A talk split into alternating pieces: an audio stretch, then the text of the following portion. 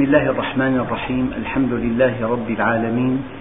والصلاة والسلام على سيدنا محمد الصادق الوعد الأمين. اللهم لا علم لنا إلا ما علمتنا. إنك أنت العليم الحكيم. اللهم علمنا ما ينفعنا وانفعنا بما علمتنا وزدنا علما وأرنا الحق حقا وارزقنا اتباعه وأرنا الباطل باطلا وارزقنا اجتنابه واجعلنا ممن يستمعون القول فيتبعون أحسنه وأدخلنا برحمتك في عبادك الصالحين.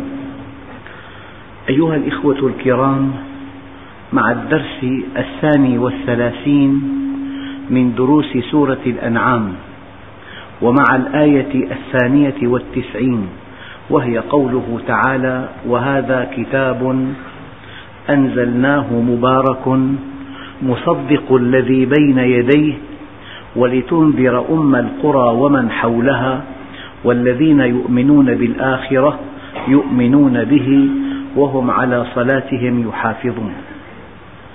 أيها الإخوة كما يقولون الشيء بالشيء يذكر.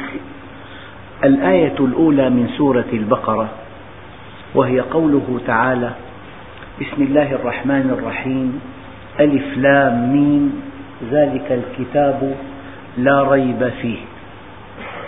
مطلع سورة البقرة. أي كلمة يمكن أن تقف عندها؟ ذلك الكتاب. يعني إذا كان في الأرض كلها كتاب واحد فيه مبادئ سلامتنا وسعادتنا في الدنيا والآخرة فهو القرآن الكريم. ذلك الكتاب. إن قلت ذلك الكتاب لا ريب. حقا هو الكتاب الذي فيه مبادئ سلامتنا وسعادتنا. إن قلت ذلك الكتاب لا ريب فيه أيضا يصح أن نقف عند كلمة فيه. أيضا إذا قلت ذلك الكتاب لا ريب فيه هدى. ذلك الكتاب لا ريب فيه أو لا ريب فيه هدى. أيضا يصح أن نقف عند هذه الكلمة. أما الآية اليوم وهذا كتاب. هذا الذي بين يديكم هذا القرآن الكريم لا تنقضي عجائبه. وسوف أوضح في هذا الدرس إن شاء الله بعضا من عجائبه. أولا وهذا كتاب أنزلناه. قال علماء العقيدة إن القرآن الكريم أنزل دفعة واحدة من اللوح المحفوظ إلى السماء الدنيا. إنا أنزلناه في ليلة القدر. أما إذا قلت نزل به الروح الأمين عندئذ نزل منجما آية آية. مجموعة آيات مع بعضها في مناسبة معينة في ثلاث وعشرين سنة. إذا الفرق بين أنزلناه وبين نزل فرق كبير. أنزلناه بهمزة التعدية. يعني الله عز وجل أنزل هذا القرآن من اللوح المحفوظ إلى السماء الدنيا. في مرة واحدة في ليلة واحدة في ليلة مباركة. إنا أنزلناه في ليلة القدر. أما أن ينزل نزل ينزل القرآن تباعا منجما. بحسب المناسبات نزل في ثلاثة وعشرين عاما. بحسب المناسبات. وهناك حديث طويل حول حكمة أنه نزل منجما. أيها الإخوة أما معنى مبارك قد تقول أنت بارك الله في الطعام. يعني طعام قليل أكله عدد كبير وشبعوا دخل قليل بارك الله به انتفعت به انتفاعا كثيرا. إذا بارك الله لك في مالك وقد يكون قليلا تنتفع به كثيرا. وإذا بارك الله لك في صحتك تنتفع بها كثيرا. وإذا بارك الله لك في زوجتك تنتفع بها كثيرا. وإذا بارك الله في أولادك تنتفع بهم كثيرا. الشيء المبارك يعني شيء قليل تنتفع به كثيرا. هذا للتقريب. أما كتاب مبارك يعني ماذا أقول لكم؟ الكتب التي في الأرض لا تعد ولا تحصى. أحيانا تمسك بكتاب علمي. في آخر الكتاب 83 صفحة مراجع. 83 صفحة مراجع ومصادر. في موضوع واحد يعني عدد الكتب الذي على سطح الأرض يكاد العقل لا يصدق العدد. بعض الإحصاءات في اليوم الواحد في اليوم الواحد يطبع من الكتب ما لا تستطيع أن تقرأه في مئتي عام. ما يطبع في الكتب في يوم واحد لا تستطيع أن تقرأه في مئتي عام. الله عز وجل قال وهذا كتاب أنزلناه مبارك. فيه كل مبادئ سلامتنا. فيه كل مبادئ سعادتنا. فيه سلامتنا وسعادتنا في الدنيا. وفيه فوزنا يوم القيامة وفي الجنة إن شاء الله. فيه قصص الأقوام السابقة فيه مشاهد من يوم القيامة فيه أمر وفيه نهي فيه آيات كونية على أنه كتاب لا يزيد عن ستمائة صفحة فيه كل الخير. والذين عكفوا على تفسير هذا القرآن ألفوا ملايين الصفحات. ولا تنقضي عجائبه حتى الآن. وهناك بعض التفاصيل. لو قرأت كتابا ألف قبل ألف عام لا يمكن أن تحتمل الأخطاء العلمية التي فيه بعد ألف عام. تستصغر المؤلف والكتاب. أما كتاب ينزله الله قبل ألف وأربعمائة عام وقفز العلم قفزة خيالية في الخمسين عام الأخيرة. يعني تطور العلوم من آدم إلى ما قبل خمسين عاما في كفة ومن خمسين عام إلى الآن التطور في كفة ثانية ومع ذلك لم يظهر في هذا التطور العملاق في العلوم في الفلك في الرياضيات في الطب في الهندسة في علم الأجنة. في التاريخ في الجغرافيا مع هذا التطور المذهل الذي يعد انفجارا في المعلومات. نحن في ثورة المعلومات نحن في ثورة الاتصالات. يعبرون عن التطور السريع بالانفجار مع انفجار البحوث العلمية والمكتشفات في شتى العلوم والفنون والآداب. لا تجد في هذا القرآن كلمة واحدة ينفيها العلم الآن. إذا معنى مبارك أن الخير الذي يأتيك منه في صحتك في زواجك في تربية أولادك في عملك في سمعتك في مكانتك في سلامتك في سعادتك في معرفة سر خلقك في معرفة ماذا بعد الموت وأين كنت قبل الموت ولماذا أتى الله بك إلى الدنيا؟ يعني كم من الحقائق يسعدك ويطمئنك. ويجعلك تضع يدك على سر الوجود وغاية الوجود. هذا المعنى الأول مبارك. يعني صفحات قليلة فيه خير كثير. صدقوا أيها الإخوة أحيانا تقرأ قصة. في قصة مشهورة حجمها ثمانمائة صفحة. تقرأها حوادث وتحليل وعقدة وحل كلها تلخص في كلمة واحدة.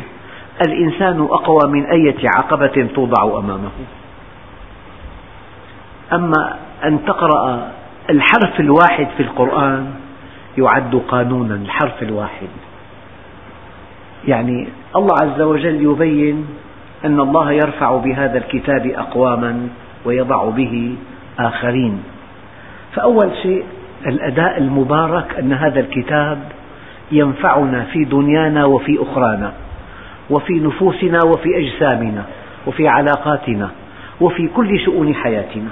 المعنى الآخر أن هذا القرآن جاء في عصر محدود جدا والمعلومات قليلة جدا والحياة بسيطة جدا ولكنه استمر إلى أعقد العصور في تاريخ البشرية ومع ذلك استمر بقوة. استمر بجدة. ما سر ذلك؟ حقيقة في شيء دقيق جدا. من هذه الأشياء الدقيقة أن القرآن فيه 1300 آية تتحدث عن الكون. لماذا امتنع النبي عن تفسيرها؟ ولا حديث يشرح آية كونية. مع أن في أي موضوع عبادي أكثر من 200 حديث في البيوع. في الموضوعات التشريعية مئات الأحاديث. فإذا أتيت إلى موضوعات الكون في القرآن ولا حديث من ألهم النبي ذلك؟ ذلك لأن الله لو سمح للنبي أن يفسر هذا القرآن تفسيرا بسيطا لطيفا مألوفا يستوعبه أصحابه في عصر محدود جدا من حيث المعلومات. لأنكرنا عليه كل هذه التفسيرات ولشككنا في نبوته. ولو أنه فسره تفسيرا عميقا يتناسب مع أحدث البحوث العلمية الآن لأنكر عليه أصحابه. فكيف يمكن لكتاب ينزل في عصر ويستمر تأثيره إلى عصور متقدمة جدا دون أن تجد خلل في كلمة واحدة؟ إذا معنى مبارك المعنى الأول أنه يشمل كل شؤون حياتك بدءا من عقيدتك وانتهاء ببعض التوجيهات في طعامك. كلوا من ثمره إذا أينع في تحذير أن تأكل الثمر قبل أن تنضج. بدءا من عقيدتك إلى توجيهات في شؤون طعامك. هذا الكتاب المعجز أيها الإخوة هو الذي يستمر بك إلى ما شاء الله. بالمناسبة يتميز هذا الكتاب عن بقية الكتب السماوية. أن الكتب السماوية إنما أنزلت لأقوام محدودين. يعني الإنجيل جاء به السيد المسيح والتوراة جاء به سيدنا موسى. أما القرآن فهو لكل الشعوب ولكل الملل والنحل ولكل البشر إلى نهاية الحياة. هذا آخر الكتب. كيف أن النبي صلى الله عليه وسلم هو خاتم الأنبياء والمرسلين. كذلك هذا الكتاب القرآن الكريم هو خاتم الكتب السماوية. إذا ينبغي أن يغطي كل حاجات البشر. يعني مثلا بالقرآن الكريم رب المشرق ورب المغرب. واضحة. تجي آية رب المشرقين ورب المغربين. طيب الآن في مشرق واحد صار في مشرقين. بتجي آية رب المشارق ورب المغارب يعني في معبد بمصر بناه الفراعنة في 365 نافذة وكل يوم تدخل الشمس من واحدة من هذه النوافذ. يعني الله عز وجل حينما أهلك بعض الأقوام ذكرهم أنه أهلك من هو أشد منهم قوة. كل يوم تدخل الشمس إلى هذا المعبد من نافذة واحدة. يعني زوايا هذه النافذة تتناسب مع أحد أيام السنة. يعني الشمس في يوم من الأيام لها زاوية شروق. في اليوم التالي تنتقل هذه الزاوية وهكذا. إذا رب المشارق ورب المغارب هذه آية. يعني كل يوم في مشرق. رب المشرقين في أقصى مشرق وأقصى مغرب. لو أن إنسان له بيت مرتفع في جهة الشرق يرى بشكل واضح أن الشمس تشرق في الصيف من القسم الجنوبي وفي الشتاء من القسم الشمالي أو بالعكس في الشتاء من القسم الجنوبي وفي الصيف من الجهة الشمالية. فإشارات إلى قضايا علمية الآن عرفت. أحيانا يخاطب الله الأقوام بأسلوب تحتمله عقولهم. يعني الآن هناك من يزعم أن الأرض مسطحة مع أن الأرض التقطت صورها من القمر كرة الآن هناك من يزعم أن الأرض مسطحة. فكيف إذا قال الله للبشر قبل ألف وأربعمائة عام الأرض كرة. الآية الثالثة الأرض كرة. يكذبون هذا القرآن كله. لكن وترى الجبال تحسبها جامدة وهي تمر مر السحاب. الأرض إذا تنطلق في دورة حول الشمس. يكور الليل على النهار. لا يتداخل الضوء مع الظلام في شكل هندسي إلا الكرة. المكعب تداخل ما في الضوء يظهر إذا دار المكعب وفي جانبه منبع ضوئي. الضوء يظهر فجأة ويختفي فجأة. أما الكرة يتداخل ضوء المنبع الضوئي مع مع الظلام تداخل عجيب.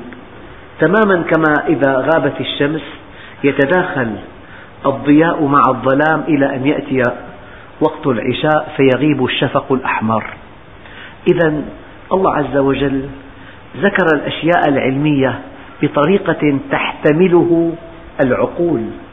لكن بعد حين يتقدم العلم فيكشف حقيقة كانت مخبوءة في بعض الآيات تتضح للعيان. هذا المعنى الجديد المخبوء لا يلغي المعنى الأول الأول مقبول. كيف؟ الله عز وجل قال والسماء ذات الرجع. يعني المعنى البسيط أن هذا الماء الذي في البحار يتبخر ويصعد إلى السماء فيرجع أمطارا واضحة يتقدم العلم بيكتشفوا أنه في طبقة اسمها طبقة الأثير كل الأمواج الكهرطيسية المنطلقة إلى الفضاء الخارجي ترتد إلى الأرض من خلال هذه الطبقة. ولولا هذه الطبقة لما كان هناك إرسال إذاعي إطلاقا ولا لاسلكي حتى ولا تلفزيوني بفضل هذه الطبقة تنطلق الموجات الكهرطيسية إلى الفضاء الخارجي ثم ترتد إلى الأرض. إذا المعنى الآخر والسماء ذات الرجع. ثم يكتشف علماء الفلك أن كل نجم في الكون يدور في مسار مغلق حول نجم آخر. بمعنى أنه يرجع إلى مكان انطلاقه النسبي. وكلما تقدم العلم ظهر معنى جديد لا يلغي المعنى السابق. من يستطيع أن يصيغ الحقيقة صياغة؟ يفهمها كل عصر بحسب معطياته. فإذا جاء عصر آخر وتقدم العلم كشف عن معنى جديد لهذه الآية دون أن يلغي المعنى الأول. شيء لا يصدق. إذا الله عز وجل حينما يخاطب الناس بهذا القرآن الكريم يخاطبهم بطريقة تحتملها عقولهم. فإذا تقدم العلم كشف العلم عن معنى في القرآن مخبوء فيه تبدى وقت التقدم العلمي. يعني نقرأ الآيات نحن جميعا. وأنه خلق الزوجين الذكر والأنثى من نطفة إذا تمنى. الآن العلم كشف أن الذي يحدد نوع الجنين ليست البويضة لكنها النطفة. في كروموسوم X أو Y أحد هذين يحددان نوع الجنين. الله عز وجل قال مرج البحرين يلتقيان بينهما برزخ لا يبغيان. فبأي آلاء ربكما تكذبان؟ يعني أثناء صعود إلى الفضاء وتصوير البحار وجدوا أن هناك خطا بين كل بحرين. هو خط تمايز لونين. فانتبهوا لهذه الظاهرة. علماء البحار بحثوا عنها فاكتشفوا في النهاية أن لكل بحر تركيبا وخصائص يتميز بها ولا يمكن أن تتداخل مياه البحار فيما بينها بينهما برزخ لا يبغيان. يعني مياه البحر الأحمر لها كثافة ولها ملوحة ولها خصائص ولها مكونات. مع أن البحر الأحمر موصول بالمتوسط وموصول بالبحر العربي لا يبغيان. بينهما برزخ لا يبغيان. فبأي آلاء ربكما تكذبان؟ عندنا في الأرض مكان فيه أشعة شمس مكان فيه ضوء ضوء وليس فيه أشعة. السبب أنه لما أشعة الشمس تسلط على ذرات الهواء ذرات الهواء تعكس هذه الأشعة بكل الاتجاهات. فبتلاقي بالأرض في ضوء لكن ما في شمس. إذا بيت شمالي فرضا في ضوء ترى الأشياء في البيت بوضوح لكن ما في أشعة شمس. هذا اسمه انتسار الضوء. لكن لو صعدت في الفضاء الخارجي ووصلت إلى طبقة انعدام الهواء. طبقة الهواء سماكتها 65 ألف كيلومتر. بعد هذه المسافة يقول رائد الفضاء لقد أصبحنا عميا لا نرى شيئا. أما أن تأتي آية قبل ألف وأربعمائة عام يقول الله عز وجل ولو فتحنا عليهم بابا من السماء فظلوا فيه يعرجون. لقالوا إنما سكرت أبصارنا بل نحن قوم مسحورون. فكيف أن هذا القرآن الكريم؟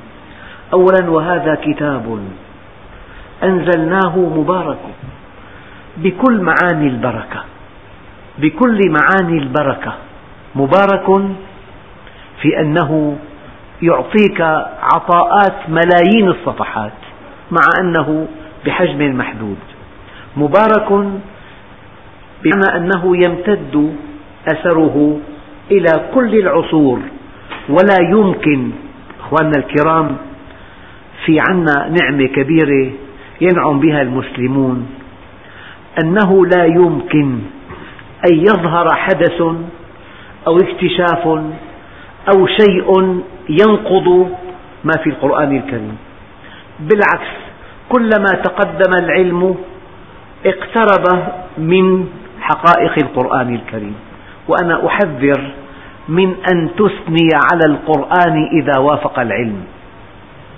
بل أؤكد ينبغي أن تثني على العلم إذا وافق القرآن. إن الأصل هو القرآن. فكلما اقترب العلم من حقائق القرآن يكون قد اقترب من الحقيقة المطلقة التي جاءت في القرآن الكريم. لذلك قال عليه الصلاة والسلام يصف هذا القرآن الكريم بأنه لا تنقضي عجائبه. ومصدق لما بين يديه. وهذا كتاب أنزلناه مبارك مصدق الذي بين يديه.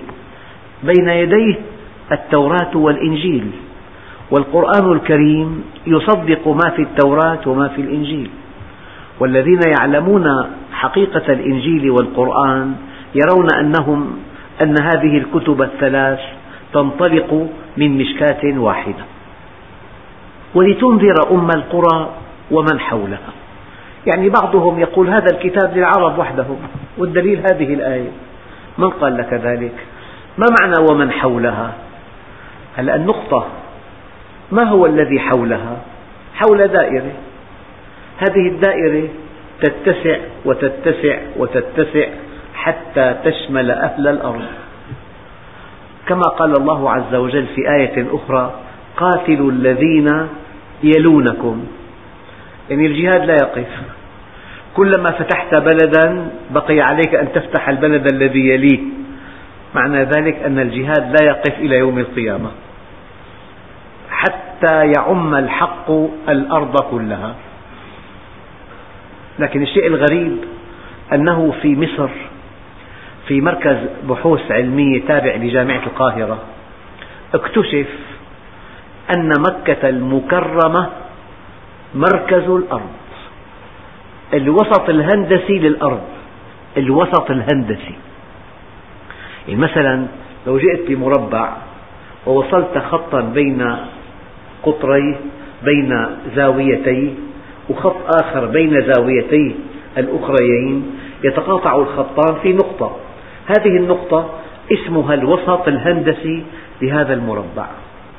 وقد يكون حجم الحجم مكعب. لو أخذت النقاط الثمانية وصلت بينها بخطوط تتقاطع هذه الخطوط في نقطة في مركز المكعب.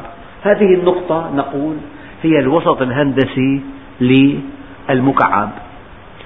اكتشف أن مكة المكرمة تقع في الوسط الهندسي للأرض. الدليل.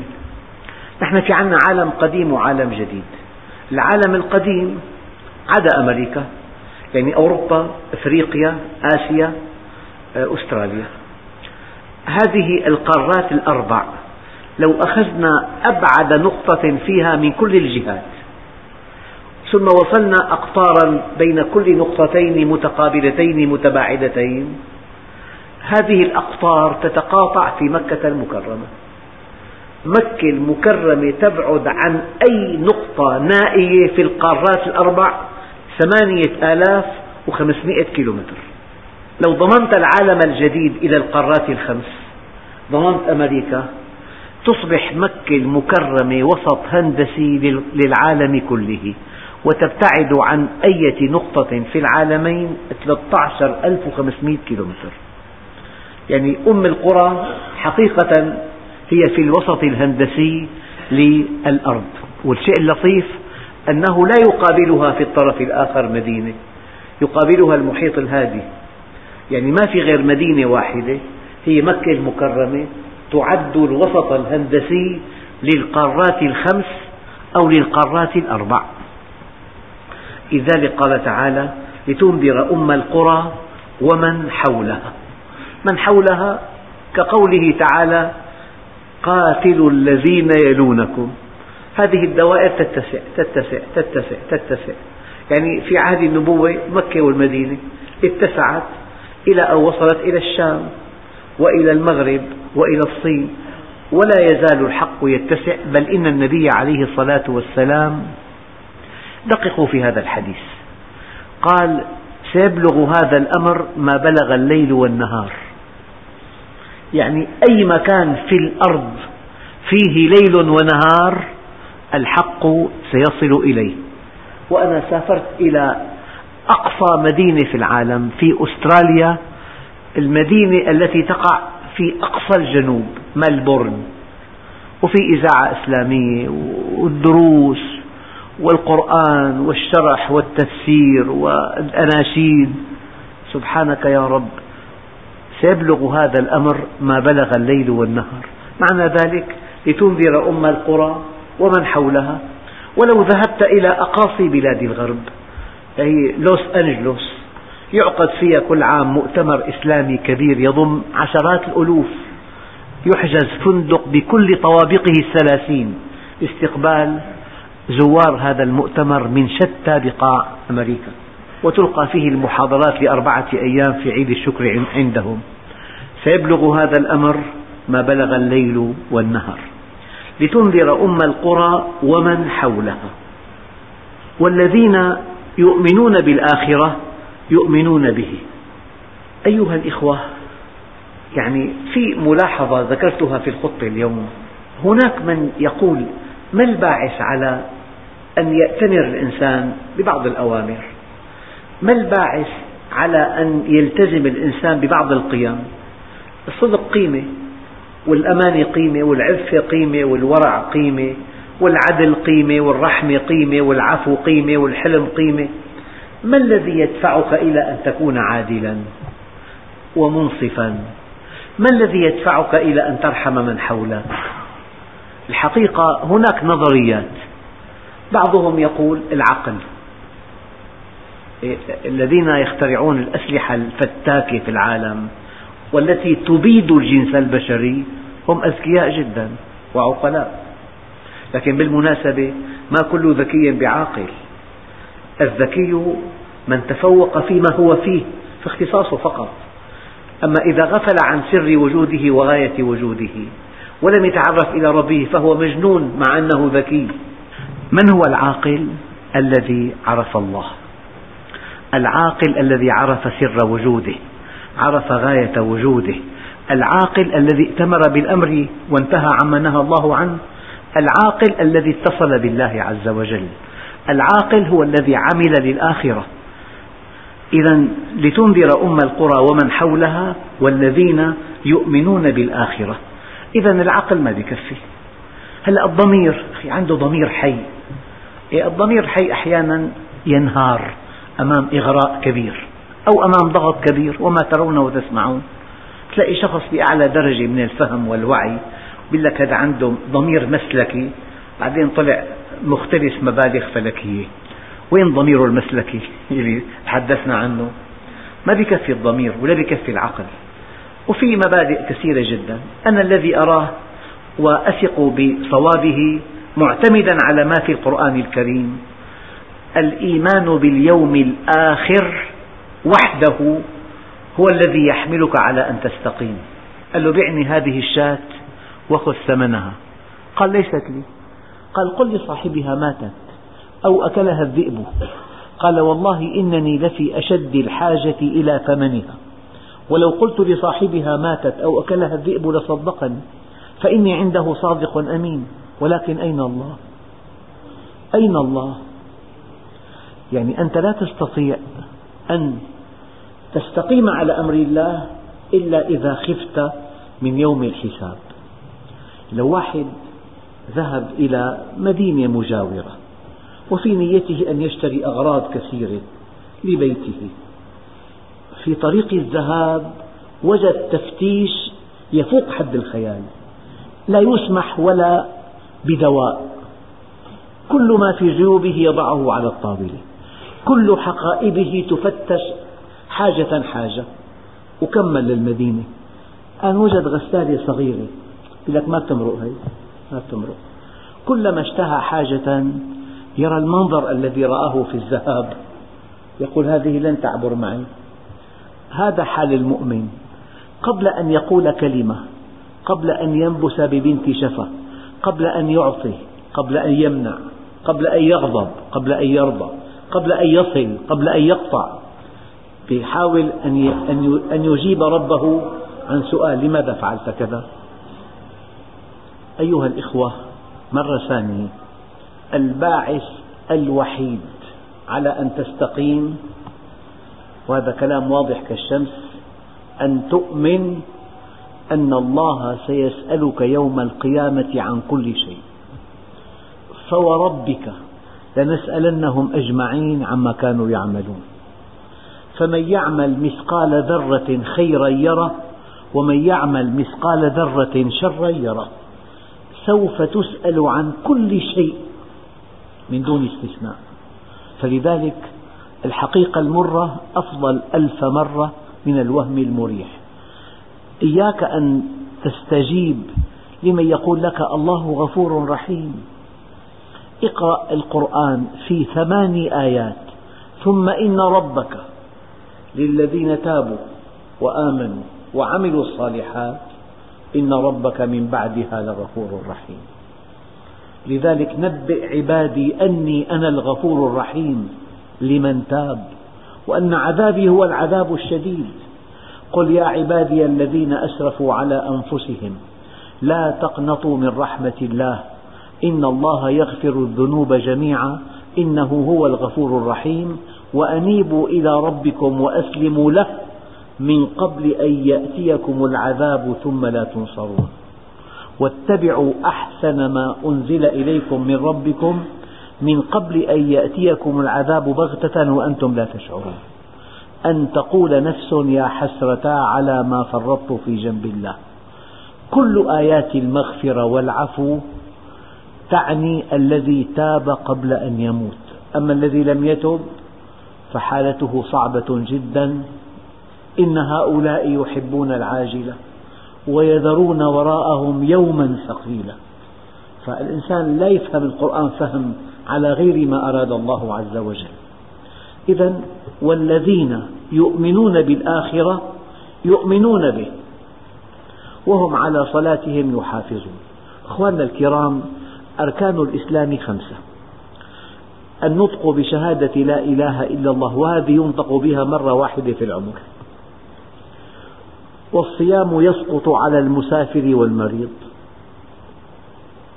والحج يسقط على المريض والفقير. والزكاة تسقط عن الفقير. ماذا بقي من أركان الإسلام كفرض متكرر لا يسقط بحال؟ هو الصلاة. أخواننا الكرام قال بعض العلماء في الصلاة جانب من النطق بالشهادة. أنت في القعود الأوسط والأخير تقول أشهد أن لا إله إلا الله وأن محمدا رسول الله. وفي الصلاة جانب من الحج لأنك تتجه في صلاتك إلى بيت الله الحرام. وفي الصلاة جانب من الصيام لأنك في الصلاة فضلا عن أن تمتنع عن الطعام والشراب تمتنع عن الكلام والحركة في غير موضوع الصلاة. وفي الصلاة جانب من الزكاة لأن الوقت أصل في كسب المال. عندك محل تبيع مثلا المرطبات في الصيف وفي عليه إقبال شديد المحل. فإذا أردت أن تصلي في المسجد ينبغي أن تغلق هذا المحل. إذا فاتك ربح كثير في وقت الصلاة. فلذلك الوقت أصل في كسب المال. فأنت حينما تقتطع من وقتك وقتا لأداء الصلوات كأنك تنفق المال الذي يمكن أن تحصله من وقت الصلاة. إذا في الصلاة معنى الزكاة وفي الصلاة معنى الحج وفي الصلاة معنى الصيام وفي الصلاة معنى النطق بالشهادة وفي الصلاة معنى الاتصال بالله عز وجل. إذا هو الفرض الوحيد الذي لا يسقط بحال. فلذلك والذين يؤمنون بالآخرة يؤمنون به. في أوامر وفي نواهي. فإذا الواحد لم يؤمن بالآخرة حقيقة لا يعبأ بهذه الأوامر. والدليل فأما من أعطى واتقى وصدق بالحسنى صدق أنه مخلوق للجنة. تصديقه هذا حمله على أن يتقي أن يعصي الله وحمله على أن يعمل الصالحات تقربا إلى الله. أعطى عمل صالح واتقى أن يعصي الله لأنه صدق بالحسنى. هذا الإنسان فسنيسره لليسرى يعني ييسر إلى ما خلق له من سلامته في الدنيا وسعادته في الآخرة. وأما من بخل واستغنى وكذب بالحسنى فالإنسان إذا كذب بالآخرة فعلا ما في داعي يستقيم. لا عمليا دعك من أقوال الناس. أقوال الناس لا تقدم ولا تؤخر. لك أعوذ بالله أنا مآمن بالآخرة. لماذا تكسب المال الحرام؟ لماذا تفعل المعاصي والآثام؟ المؤمن بالآخرة لا يعصي الله. فأنت حينما تؤمن أنه لا بد من أن تحاسب حتما تستقيم. لذلك قال تعالى والذين يؤمنون بالآخرة يؤمنون به. وهم على صلاتهم يحافظون. هنا معنى يؤمنون به يؤمنون بالأمر والنهي يأخذون بالأمر ويدعون ما نهى الله عنه. يعني أنت لما تكون راكب مركبة والإشارة حمراء واقف إلى جانب الإشارة شرطي وفي شرطي آخر على دراجة وفي ضابط بسيارة أنت مواطن من الدرجة الخامسة. ما لك أي قوة؟ ماذا تفعل؟ ما في بالمئة مليون إنسان بهالصفة هي. في إشارة حمراء وفي من يضبطك بمخالفة ولا يرحمك وأنت لا تقوى على أن ترد هذه المخالفة. واضحة الشرع فأنت إذا آمنت بالآخرة لا يمكن أن تعصي الله. والدليل أن الله عز وجل قال الله الذي خلق سبع سماوات ومن الأرض مثلهن يتنزل الأمر بينهن لتعلموا أن الله على كل شيء قدير وأن الله قد أحاط بكل شيء علما. اختار الله من بين أسمائه اسمين فقط. اختار اسم القدير واسم العليم لأنك حينما تعلم أن الله يعلم وسيحاسب وسيعاقب لا يمكن أن تعصيه. وأنت حينما تعلم أن هذا الشرطي سوف يكتب ضبط وسوف تسحب منك الإجازة وقد تدفع مبلغا كبيرا وقد تحجز المركبة وأنك ضعيف لا تقوى على فعل شيء.